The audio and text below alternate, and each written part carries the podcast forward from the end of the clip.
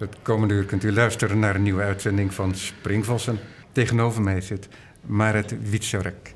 Marek, jij bent al eerder te gast geweest bij mij. Toen spraken we naar aanleiding van een tekst die je had geschreven voor een tentoonstelling, catalogus, voor Tate Liverpool. Ja. En dat was Mondriaan Studio, Mondriaanse Studio Utopia.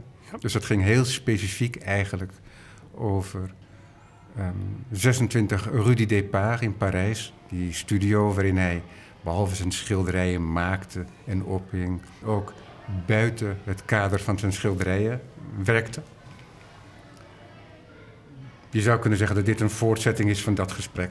We nemen nu weer een nieuwe essay van jou als uitgangspunt. Dat is een essay dat je schreef voor een tentoonstelling die nog plaats moet vinden Ja. in het voorjaar van 2023 in Wolfsburg. Waar precies?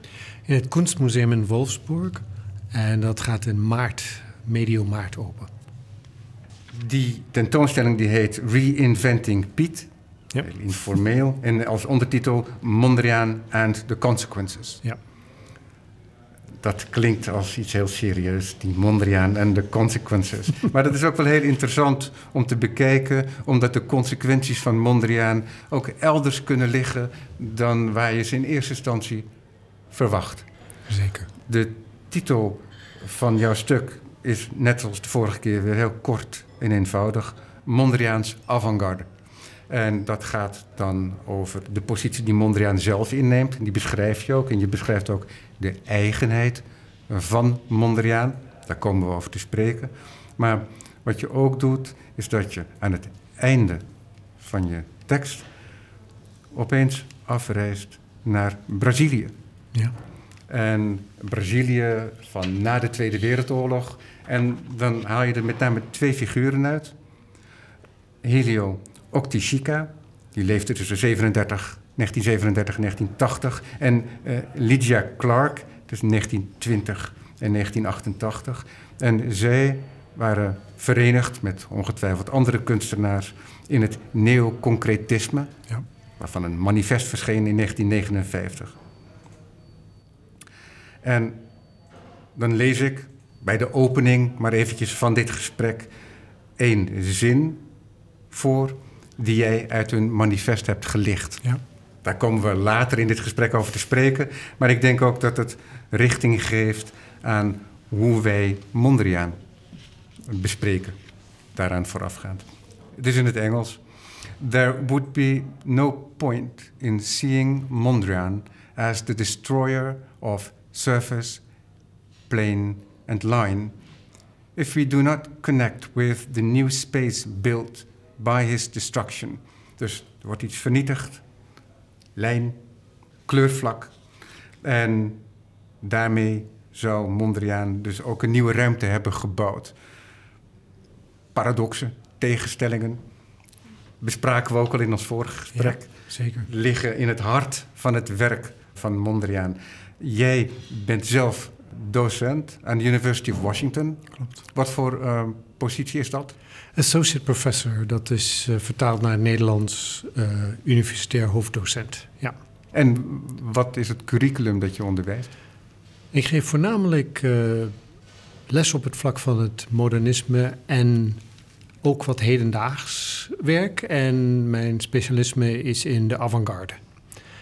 En omdat er vandaag de dag weer interesse is in dat woord en het fenomeen, heb ik een soort brug, sla ik een soort brug tussen de historische avant-gardes van de begin 20e eeuw. Denk aan de stijl Dada, surrealisme. En de hedendaagse interesse in vormen van activisme, vormen van ehm, nadenken over hoe het modernisme uit de westerse wereld toch zijn impact heeft gehad op wat we nu breed de Global South noemen. Ja. Maar is dat dan ook specifiek dat je de relatie uitlicht tussen de beeldende kunst, die op zich ook ontwikkeld wordt en ontwikkeld moet worden, maar ook de relatie met de maatschappij en de maatschappelijke visie van de kunstenaar? Absoluut. Ja, Ja. Die, die denk ik niet los van elkaar. En daar kom je bij een hele mooie paradox. Je had het net al over tegenstellingen. Als je naar een oud schilderij kijkt, dan heb je vaak het idee dat je een kijkje neemt in een eerdere wereld. En uh, zeker als je het over de 17e eeuw hebt, dan lopen mensen rond in grappige uitdossingen en nou, noem maar op, het, interieur is anders. Um, maar als, zodra je in de abstracte sfeer terechtkomt, dan is de relatie met de geschiedenis veel moeilijker in de zin van de transparantie die je poneert bij zo'n oud schilderij, die bestaat niet meer. En dan zou je ook eh, kunnen zeggen, dat bestond eigenlijk nooit. Hoe bedoel je, die, die transparantie bestaat niet meer? Die, uh, dat idee dat je in een andere wereld kijkt, ja. die weergegeven is. Ja, dus dat je eigenlijk een soort tijdreis maakt ja. middels het kijken naar zo'n schilderij. Ja.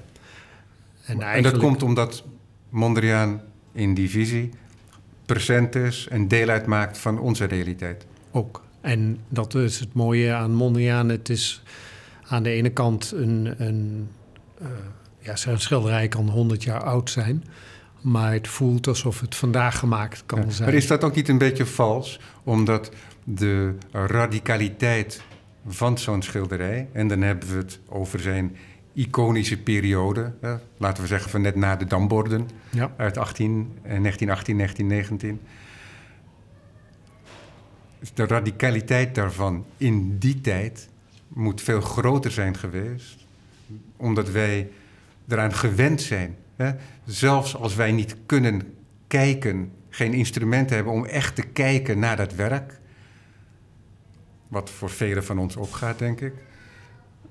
Toch is het dan zo dat mensen bekend zijn met het beeld en het daarom, door die bekendheid, als cultureel verschijnsel en niet zozeer als schilderij, ja, bekend is en dus aanwezig is en dus een deel van de cultuur.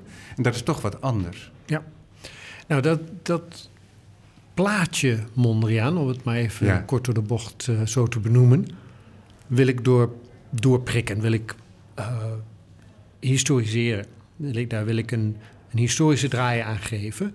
Door in mijn tekst laten zien dat het eigenlijk heel simpel is, maar dat er een hele grote complexiteit achter schuilt dat de tegenstellingen in zijn werk juist heel activerend zijn in het zien en ook met ons oog te maken hebben. De manier waarop we naar iets kijken, hoe je oog werkt ook via tegenstellingen. Dus je wordt eigenlijk um, ja, gepakt door zo'n schilderij als je daarin meegaat. En de werkelijkheid, daar hebben we de vorige keer over gehad, dat wat aan werking onderhevig is, dat woord vind je veel in Mondriaanse geschriften die werkelijkheid van het schilderij ook leert ontdekken. Of je moet echt een soort ontdekkingsreis. En dat is het mooie eraan, dat het niet transparante van zo'n werk, omdat je niet in een wereld kijkt die vanuit een andere tijd komt, dat daar, uh, maar dat daar toch een historische dimensie aan zit, omdat het werk voortkomt uit een bepaalde periode. En dat is het interessante aan de avant-garde. De avant-garde kennen we in de ja, bij de banale zin van het woord dat wat de tijd vooruit is. En, uh, en dat vind ik, die spanningsboog tussen het toen en het nu vind ik zo mooi. Dan wil ik nog even iets toevoegen waar ik net um, op doelde met een werk uit de, schilder, uit, uh, de schilderkunst van de 17e eeuw bijvoorbeeld. Dat zo'n schilderij is ook nooit echt transparant. Dat moet worden geïnterpreteerd. Uh, ja, de kledij ziet er anders uit, het interieur ziet er anders uit. Maar um, wat de betekenis is van zo'n werk, is veel complexer. Maar met Mondriaan kunnen we het heel simpel houden of kunnen we het heel ingewikkeld maken. Als je gaat kijken naar de enorme impact die hij heeft gehad in de wereld van de design, in de architectuur, in de, de mode bijvoorbeeld. Als je denkt aan de prachtige jurken die Yves Saint Laurent heeft uh, ontworpen, die, uh, 64, 65 geloof ik. Um, maar ook in, in gaming, in, um, ja, op, op, uh, op mokken vind je Mondriaan, noem maar op. Dat, um, dan, dan is de vraag, moet je daar onderscheid gaan maken tussen dat fenomeen en wat Mondriaan uiteindelijk wilde doen? En dan kom je heel gauw op een in het Engels noem je het een slippery slope, op een uh, gevaarlijke helling terecht. Want veel mensen hebben plezier aan het zien van zulke patronen. Het bekende Mondriaan plaatje, rechte lijnen, rechte hoeken, primaire kleuren. En ja, dat is iets wat je overal op kunt plakken, om het zo maar oneerbiedig te zeggen. Ik wil daar uh, eigenlijk een soort positieve draai aan blijven geven. In de zin van dat we dat ook echt nodig hebben om Mondriaan te kunnen herkennen. Terwijl we ook die historische kant kunnen gaan benadrukken. Er is een mooi boek geschreven door Nancy Troy. Dat heet um, The Afterlife of Mondriaan. Het naleven van Mondriaan. En zij zegt heel expliciet: we kunnen Mondriaan niet loszien van die popularisering van zijn werk. Mondriania is hoe ze dat noemt. Mhm. En daar ben ik het helemaal mee eens. En toch geef ik een beetje tegengas. Maar je bent kunsthistoricus. Ik ben kunsthistoricus. Dus je probeert Ja. ook met alle instrumenten Ja. van jouw discipline... Ja. probeer je ook om die oversteek te maken. Absoluut. Ja. Om de eigenheid van het historische verschijnsel... Maar ook te de, leren wer- kennen. de werkelijkheid van zijn werk. De manier waarop het een impact op ons kan hebben. En dat probeer ik dan te laten zien door... Nou, was onlangs een debat over Mondriaan... die al heel lang op zijn kop hangt. hè. Ja, En eh, in mijn, een lezing die ik gisteren heb gegeven... hier- Düsseldorf was het toch? Ja, in Düsseldorf Ja. K20, ja. De Noord-Rijn-Westfalen-collectie. Ehm, ik heb hier op de Dam in Amsterdam eh, gisteren nog een lezing gegeven voor een club. En dan neem ik mensen door een schilderij. En dan echt dus een soort reis door een schilderij van Mondriaan. Moet je, dat is misschien moeilijk voor te stellen, maar je gaat dan kijken naar ehm, wat een wit vlak, een wit vlak normaal wordt gezien. Vaak als een achtergrond.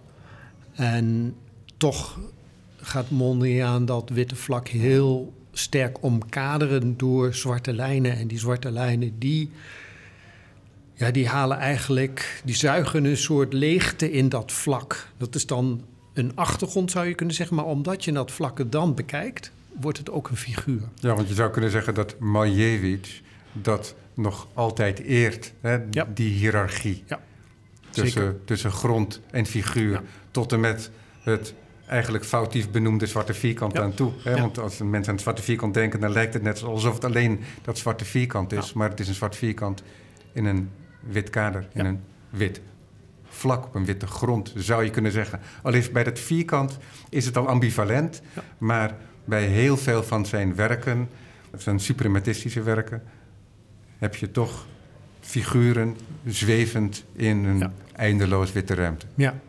En daarvan gaan wij meestal ervan in de veronderstelling dat die ruimte er al was voor de inscriptie van wat dan ook lijn, vlak. Dat is een metafysisch gegeven, duur woord voor het idee dat wij in de westerse traditie althans ervan uitgaan dat dat witte canvas waar een kunstenaar voor staat, een schilder die staat voor de wit, moet de eerste streep daarop zetten.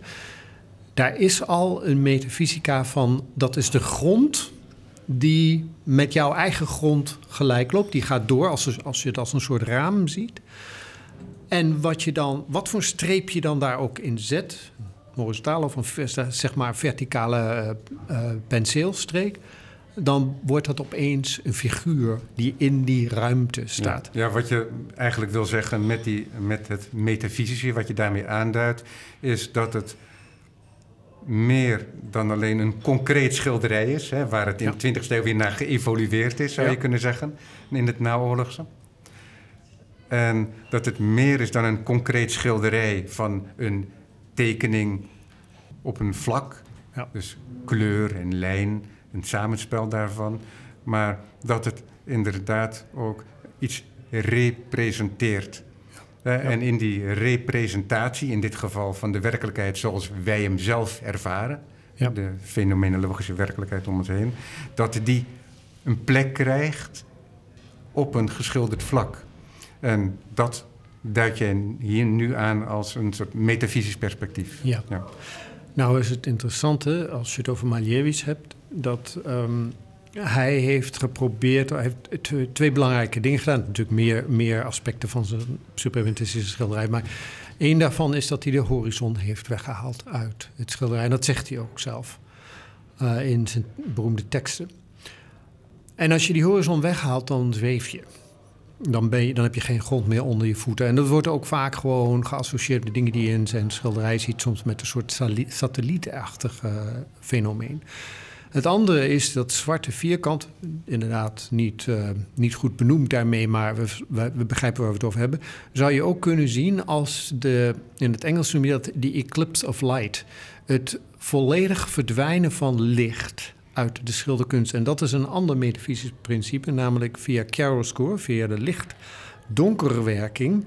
In een schilderij heb je altijd de, de aanname dat dat ding wat zich in die schilderkunstige ruimte bevindt, beschenen wordt door een licht wat daar inderdaad achter dat raam zou zitten. En ehm, met zo'n zwart vierkant kun je zeggen, ja, maar als het volledige verdwijning van licht is, net als een zwart gat, dan is dat zwarte vierkant niet meer wat het schilderij benoemt, maar dat is dat namelijk een afwezigheid.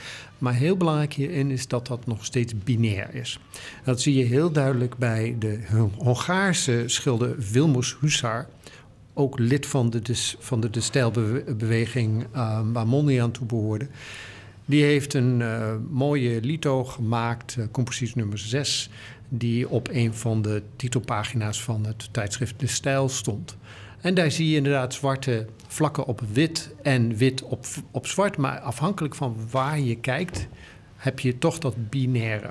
Mondriaan heft dat op. Bij hem gaat het nooit om. Het gaat wel om uiterste tegenstellingen, zoals figuur en achtergrond. Maar het gaat ook om uitbreiding en begrenzing.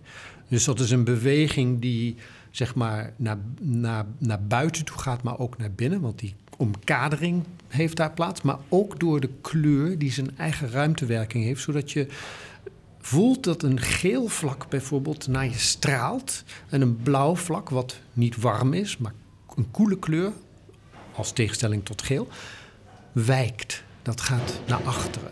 En er ontstaat een verhoudingsspel in de ruimte. Verticaal en horizontaal volgens het vlak waar je naar kijkt. Maar ook in de diepte door die wisselwerking tussen verschillende kleuren. En dat is niet binair. Dat is veel complexer. En daarom zegt Mondriaan bijvoorbeeld een belangrijk citaat: enkel verhouding. Het gaat mij niet om verhoudingen, maar het gaat me alleen maar om verhouding. Ja, de verhouding van het enkele deel Ja. met het geheel. Ja. En dan kom je op ja, bijna universeel terrein terecht. Want dit kom je bij Vitruvius tegen, Ja. dit kom je bij Leon Battista Alberti tegen. In een tekst die ik vaak aanhaal uit 1903 is dat, meen ik, van Henri Matisse, een un peintre, Ja. kom je het tegen. Dat is de samenhang, hè, de commensurabiliteit van de elementen tot een geheel. Waardoor dat geheel eigenlijk ook weer iets meer wordt dan de samenstel van de delen. Ja. ja. En dan krijg je ook heel gauw dat je merkt dat het niet zozeer gaat om een figuur wat eenduidig is. Bij Mondriaan, wat ik net als voorbeeld gaf, dat witte vlak wat strak omkaderd is. Dat deelt zijn omkadering, die zwarte lijnen, met zijn buurman, om het maar zo even te noemen. Eh, Maar ook zijn andere buurman aan de andere kant. Buurvrouw moet ik eigenlijk zeggen. De buren van dat vlak, die worden deel van dat geheel. En het mooie is dat het een soort differentieel spel wordt. Een duur woord voor het idee dat het allemaal om verschil gaat. Dus ik als vlak ben net iets kleiner of iets groter dan de buurman of vrouw. En toch zijn we van elkaar afhankelijk, want we bevinden ons in die structuur. En nu ben ik Mondriaan vrij aan het vertalen naar zijn utopische gedachte, namelijk dat elke overheersing, elke onderdrukking die in de maatschappij vaak voortkomt uit het binaire denken, en dat is iets wat erg van onze tijd is nu, dat de onderdrukking door het binaire denken opgeheven moet worden. Dat is zo mooi gegeven, dat zie je in de werkelijkheid van zijn schilderijen. Dus ik denk dat Mondriaan heel erg van onze tijd is. En vandaar, Mondriaan's avant-garde, dat noemde ik die tekst... maar dat gaat ook specifiek over zijn volgelingen. Want het, de, de tentoonstelling heet Mondriaan and the Consequences... de consequenties van Mondriaan. Er zijn kunstenaars die misschien helemaal niet op Mondriaan lijken... maar diep, diep geïnspireerd zijn door de manier waarop ze hebben leren kijken. Door, door Mondriaan. Een beroemd citaat van Mondriaan aan het eind van zijn leven. Het is nu een beetje een debat of het echt aan hem toegeschreven kan worden of niet. Maar uh, uh, heel lang zo bekend. Uh, if we cannot liberate ourselves, we can liberate our vision. Het is ook in, in, de New York-periode, dus het was in het Engels. Als we onszelf niet kunnen bevrijden, en dit is misschien de oude man die al in de zeventig was en dacht van ja, mijn oorspronkelijke droom uit het vroeger de stijlperiode is niet uitgekomen, maar misschien kunnen we toch het manier van kijken, onze manier van kijken gaan veranderen. En dat vind ik heel spannend aan deze tijd, aan onze tijd.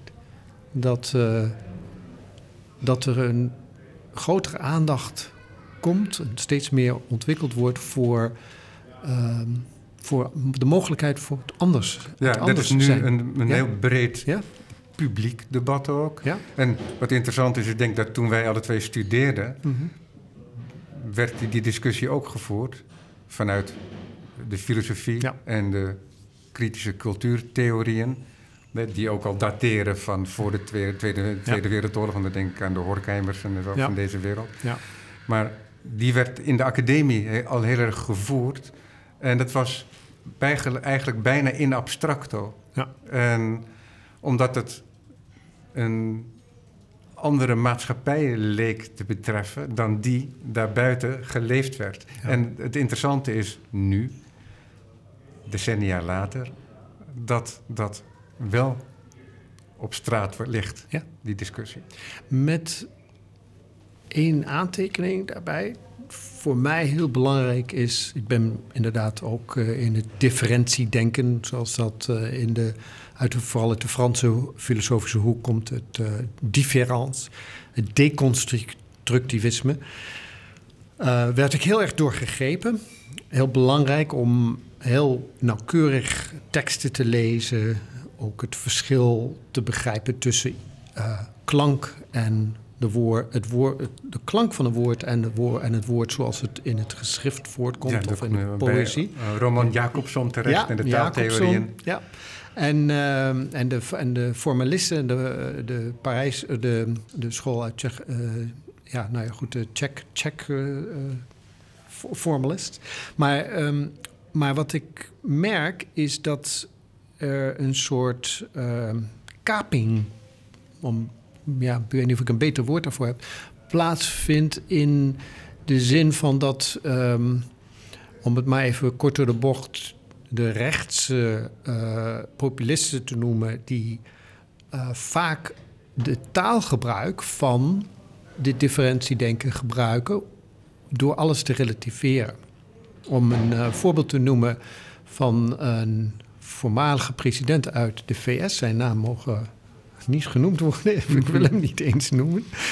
Um, maar ook heel veel in, in de VS, wat ik zelf meemaak als professor daar, uh, als ik dan de kranten lees of het publieke debat, dan uh, wordt vaak de, de, uh, wat, wat zeg maar de, wordt gezien als de vijand, dat taalgebruik wordt ge, geabsorbeerd en teruggekaatst.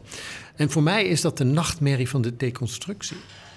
Want het is een totale relativering en ik heb zo nooit de deconstructiedenken gedacht. En dat zie ik ook niet als ik Mondriaan vertaal naar principes of een soort vrijheidsdenken of een soort openen van je ogen. Dan zie ik dat ook niet als een volledige relativering. Je hebt namelijk perken nodig. Je hebt begrenzing nodig om ook uitbreiding, om je denken te verbreden, heb je ook grenzen nodig. Het is dat spel tussen uitbreiding en begrenzing. Wat oh, dat is ook het vind. interessante natuurlijk, omdat Mondriaan een hele hoopvolle blik had op de toekomst. Ja. Hè? Ja. Een utopische blik.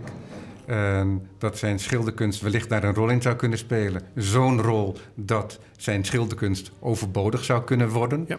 En, en dat, dat sprak je eigenlijk uit voor alle andere kunsten ook. Ja. Dus niet alleen voor de schilderkunst. Dat als de kunst daadwerkelijk zijn rol serieus zou nemen... en die rol ook serieus genomen zou worden buiten de kunsten... dat die kunsten dan niet meer nodig zouden zijn. Omdat, maar dus dat is een typisch utopische visie. Heel erg mooi.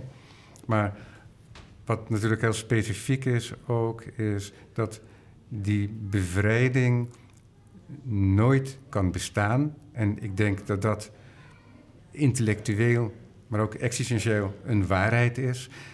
Die vrijheid die kan nooit bereikt worden ehm, door een grote inspanning.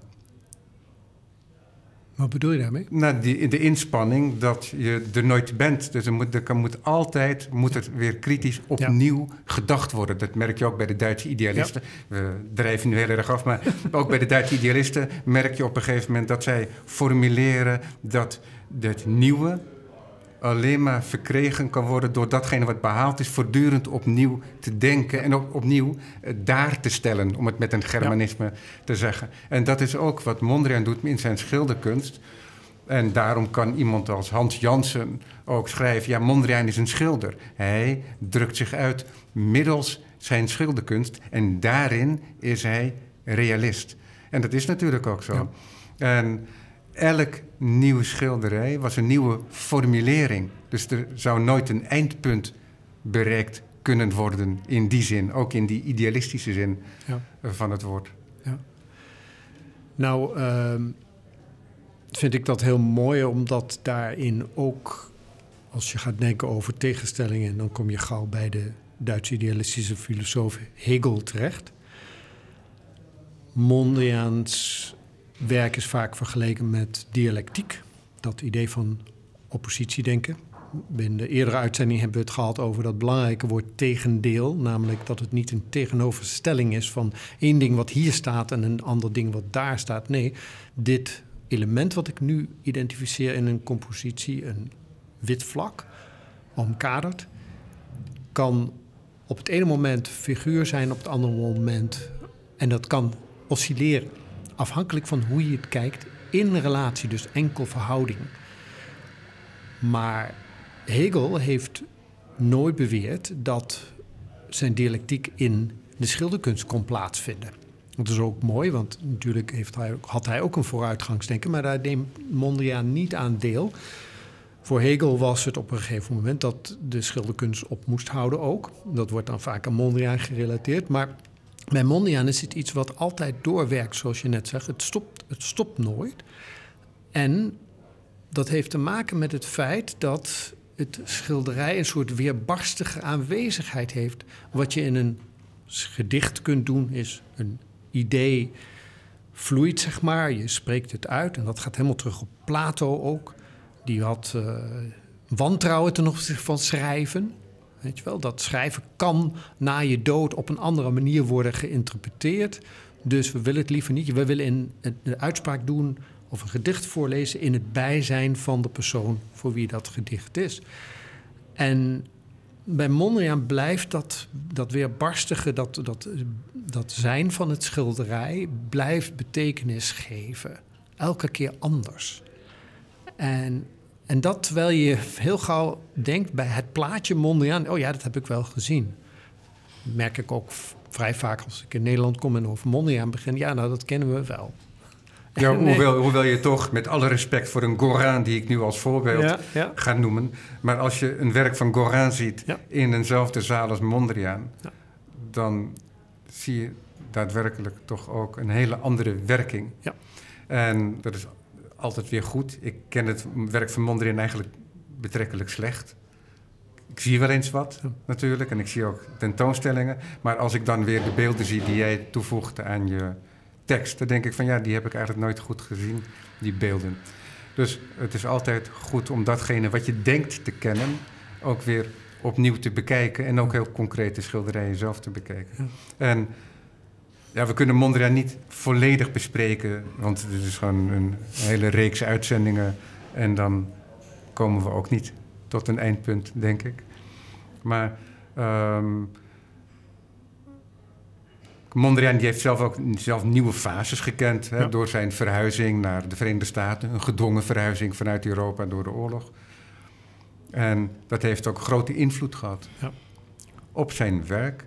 En daarin zie je ook dat hij uiteindelijk loskomt van het raster zelfs in zijn Victory Boogie Woogie.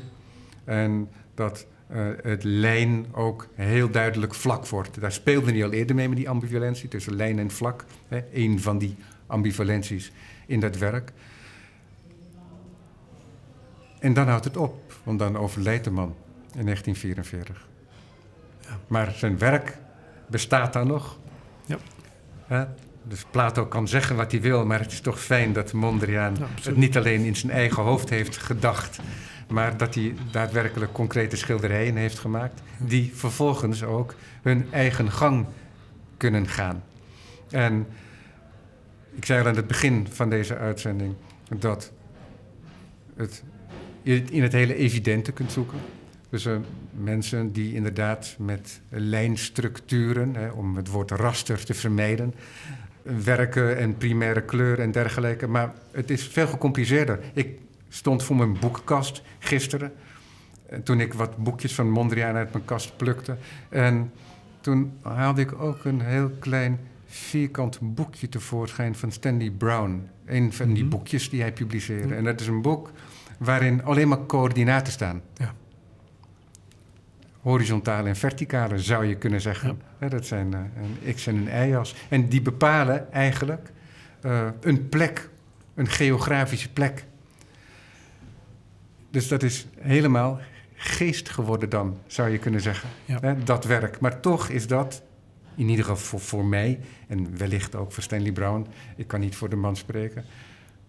een relatie met die manier van denken en werken van Mondriaan. Ook geïnformeerd door allerlei andere zaken... maar Mondriaan speelt daarin zeker een rol, denk ik. Ja. Er komt geen kleur aan te pas. In het, eh, is, Brown is een fantastisch voorbeeld. eh, ook als conceptuele kunstenaar. Veel conceptuele kunstenaars hebben gekeken naar Mondriaan. Of postconceptuele kunstenaars. In de tentoonstelling in Wolfsburg komt ook een werk van Bastiaan Ader voort. Waarin hij op een kleedje kruipend in, nou kruipend, hij ligt eigenlijk met zijn lichaam haaks, met zijn ledematen en armen in een soort patroon op een kleedje, wa- een patroon wat op de li- lijnen van Mondriaan lijkt, met een gele of een rode jerrycan of zo.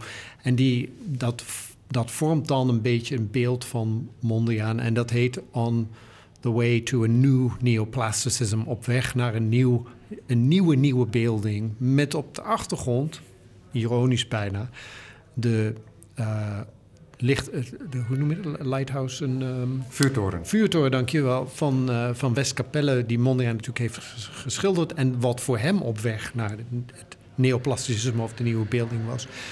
Nou, dat is zo mooi dat je een kunstenaar ziet die geïnteresseerd is in het sublimen. Want wat, daar was Ader Ja. naar op zoek. En het was ook natuurlijk heel zwaar symbolisch, hè, Ja. dat werk. In het werk van Mondriaan, omdat een vuurtoren, een lighthouse, ook een baken is. En het licht, dus daar kunnen we allerlei Absoluut. esoterische ideeën op loslaten. En waarin Mondriaan nog heel sterk verbonden is met het symbolisme. Hè? Een kunst uit de 19e eeuw. Ja.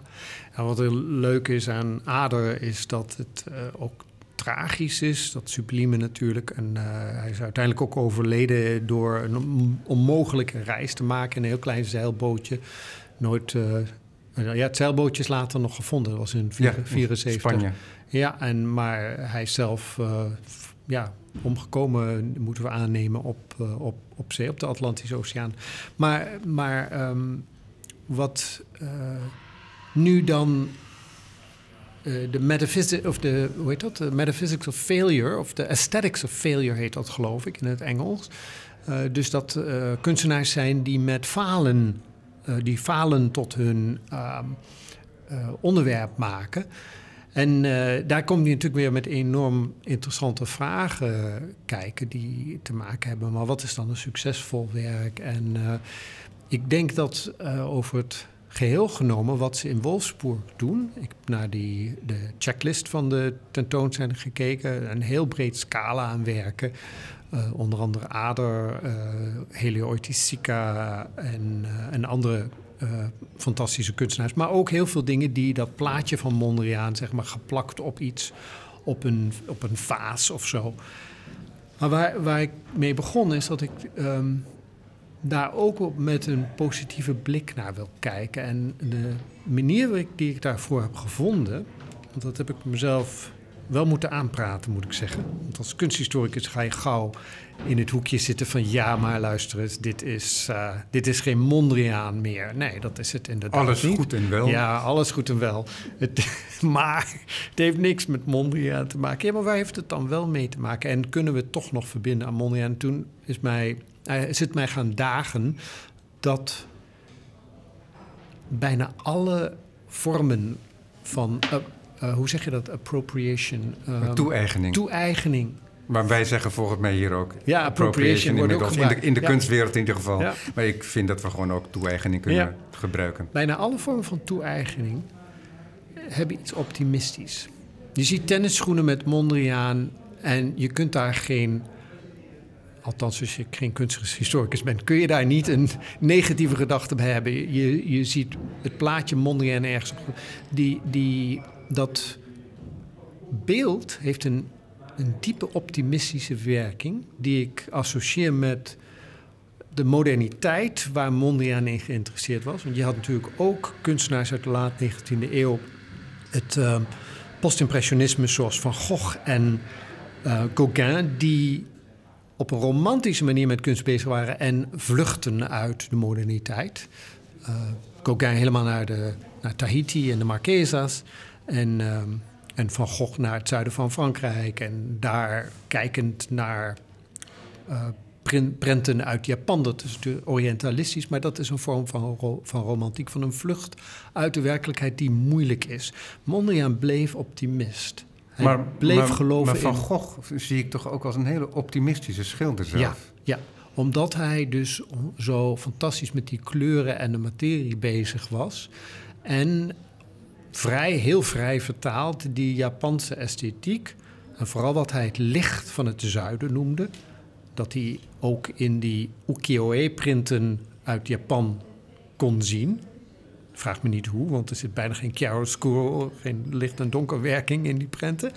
Maar hij wilde het licht van Japan vangen. En op die manier is hij toch op een andere, ja, echt anders bezig dan zeg maar Gauguin.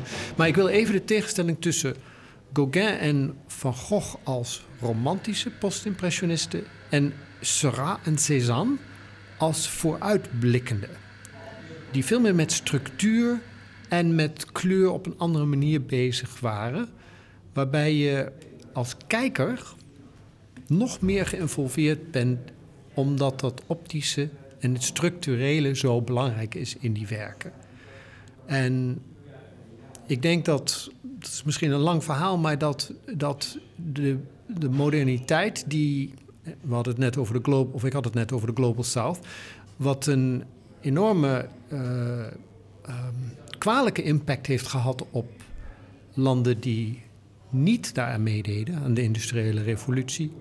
Vanwege het kolonialisme, vanwege het feit dat als jij kunstenaar was in een ontwikkelingsland, laten we het zo noemen, uh, een, eigenlijk in een onmogelijke positie bevond. Want een Picasso kan wel een masker uit Afrika nemen, een Gauguin kan wel een Tahitiaans motief gebruiken, maar blijkt dan ook met Borobudur en met Egypte en allerlei, want het is heel eclectisch. Hè?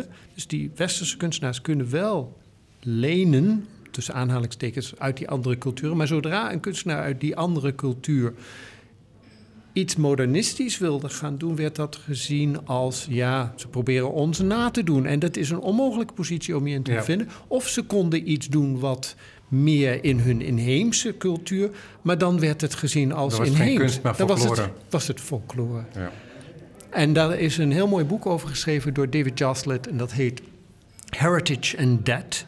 Debt als in eh, schuld. En de ondertitel is Art in Globalization. Dus het, het idee van de g- globalization dus.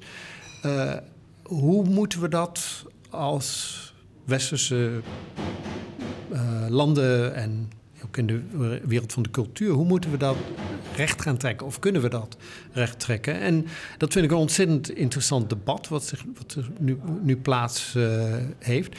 En daarin heb ik nog steeds een soort gewretenswroeging. Want als je naar Mondriaan gaat kijken, dan vraag je ook af: ja, maar waren daar niet ook Oosterse invloeden? Ja, die waren er. En als je een vroeg foto ziet van hem in zijn atelier op de Savatistraat, dan hangt daar een batik, heet dat geloof ik, hè? en een Indonesisch. Uh, je komt, komt er niet aan. Ja, ik Jan heb ook wel eens gezegd, hij ziet er bovendien op zo'n foto die volledig gestileerd zijn, met zijn lange haar, ziet hij er ook uit als een starets die zo uit Dostoevsky lijkt te zijn gelopen. Inderdaad. En, en zijn fascinatie met Madame Blavatsky en het, het hele esoterisch wat met het Oosterse te maken heeft. Dat is natuurlijk heel veel projectie vanuit het Westen op iets wat niet Westers is. Maar ook in de filosofie die hem indirect bereikte via een schoenmaker. Want je noemde net al Hegel. Maar ook Hegel en ook Goethe was geïnformeerd door die Oosterse cultuur.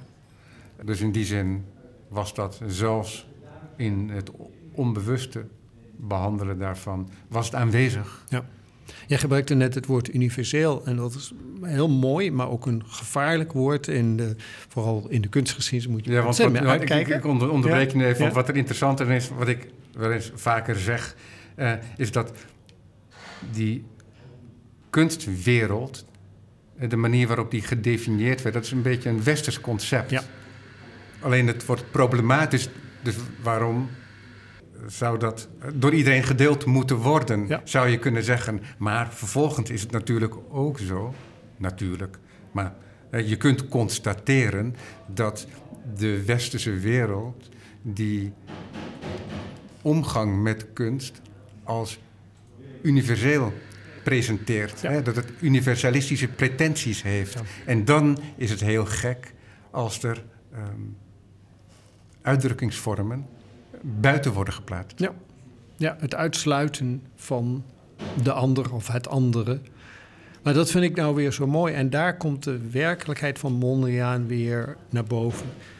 In zijn schilderijen gebeurt iets. Je moet daaraan deelnemen om ze te begrijpen. Je moet ze op zijn kop zetten, zeg maar, om te begrijpen dat dat schilderij jou aanspreekt. Want op zijn kop werkt hij niet op dezelfde manier. Dus dat fenomenologische waar je het net over had, dat is belangrijk.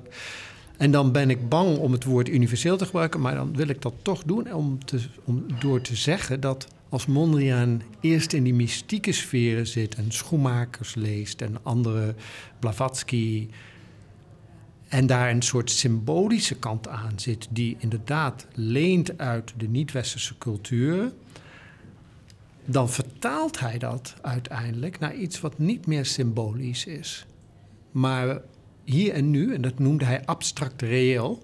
Het werk is abstract, want er is niks te zien. Je kunt niet door een raampje kijken zeg maar, naar een andere wereld. Maar het is ook reëel, het is werkelijk. Het is hier nu, hier nu en het werkt ook op je netvlies. En dat kleur, die kleurruimte die komt naar boven.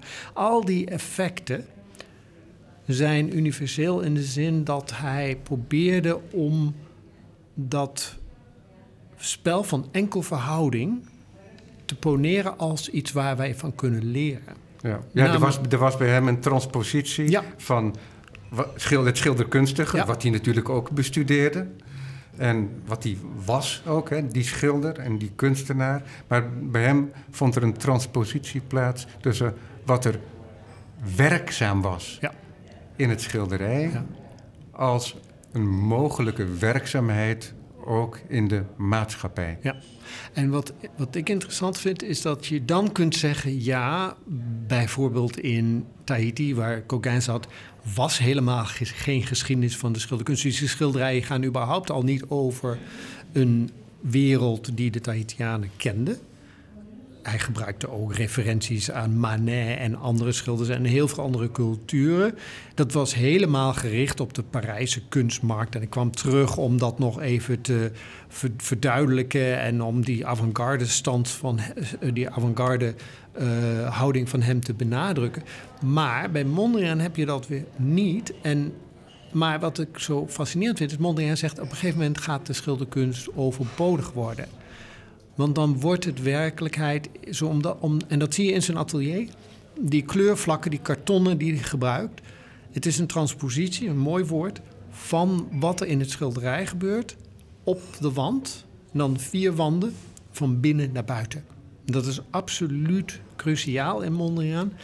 Hij en Rietveld in de groep De Stijl zijn eigenlijk de enige twee kunstenaars, zoals ik dat heb bekeken dan althans, die van binnen naar buiten werken.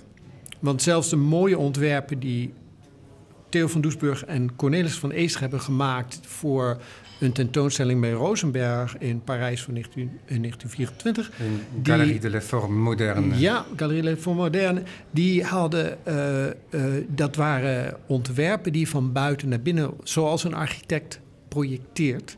Je maakt een schetsje, zeg maar, in je schetsboek en ja, je stelt je een gebouw voor. Maar Mondriaan die had een opdracht gekregen uit Dresden van Ida Bienert om een interieur te maken.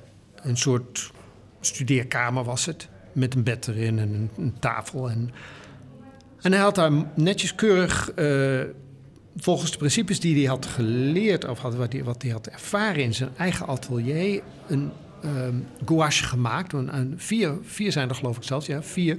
En dat is allemaal interieur. Maar toen zij het wilde bouwen, zei hij... ja, maar ik wil erbij zijn. Want het werk in zijn atelier, het werken aan de wand, is iets wat groeide voor hem. Wat van binnen naar buiten, wat heel veel te maken heeft met hoe je het kader ziet. Is een schilderij heel belangrijk natuurlijk, dat naar achteren geduwd is, wat een beetje een neutrale kleur heeft, waardoor het uitbreiden makkelijker wordt.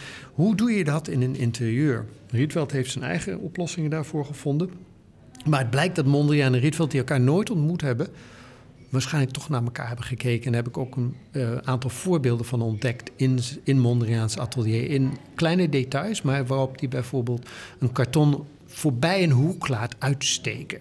Net als Rietveld doet met die planken en, en stijlen. Dat is ook zo'n mooi woord. Hè? Een, stijl is een ja, soort. Uh, uh, hoe noem je dat? Een, um, een, in het Engels zeg je een bar. Um, het is geen balk en het is geen plank. Ja, geen balk en geen plank. Ja. Het zit er tussenin. Maar dat is het mooie. En ook de manier waarop kleur daar, daar fungeert. Want geel aan het einde van die balkjes die uh, Rietveld in zijn roodblauwe stoel gebruikt. Die zijn geel en dat straalt uit. Dat geeft het idee van een uitbreiding van dat balkje in de ruimte door. Dus, en het mooie is, die rugleuning is prachtig rood Rood is de meest solide kleur. En het zitvlak is blauw. En blauw nodigt uit om naartoe te treden.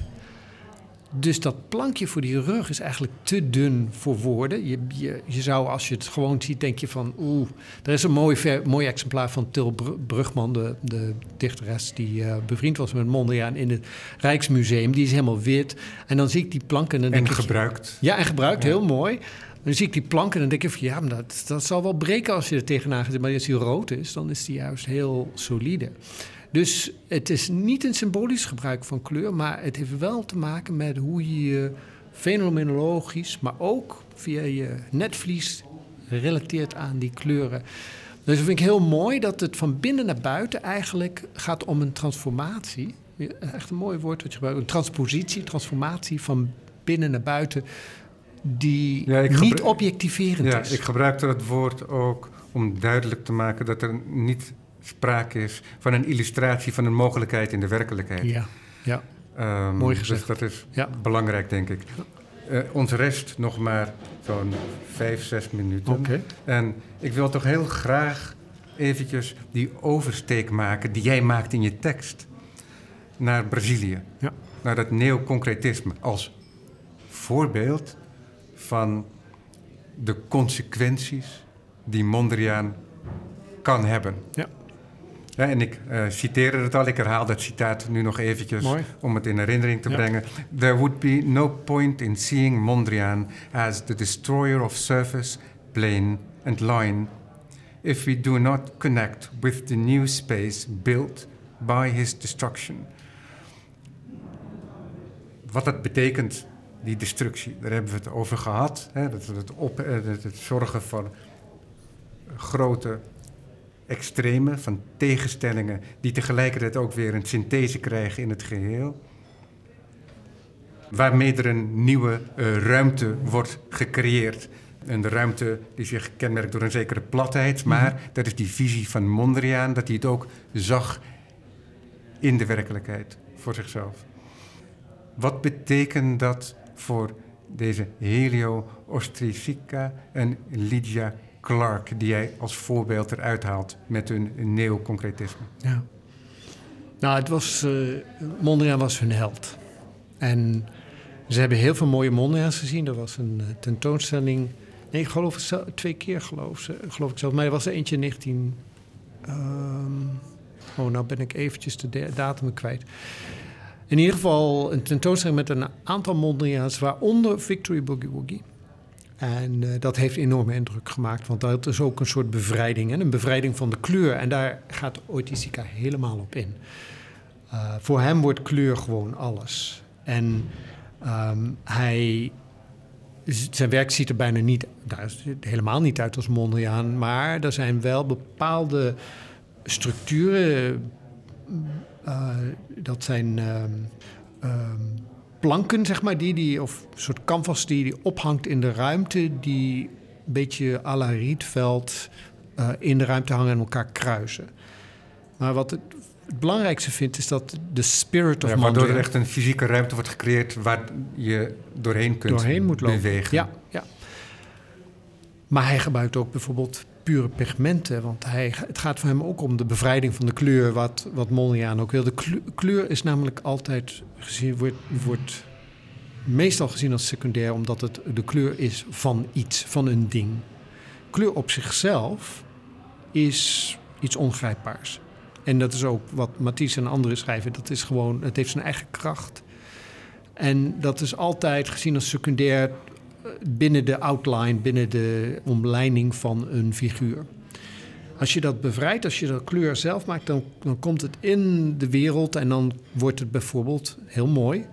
Um, de parangoles, dat zijn uh, een soort cape-achtige dingen die je kunt dragen. Dat zijn kleurvlakken van stof gemaakt, vaak in de primaire kleuren, waar je dan mee gaat dansen. Nou, we weten allemaal, of de meeste mensen weten dat Mondriaan heel van dansen hield, van boogie boogie.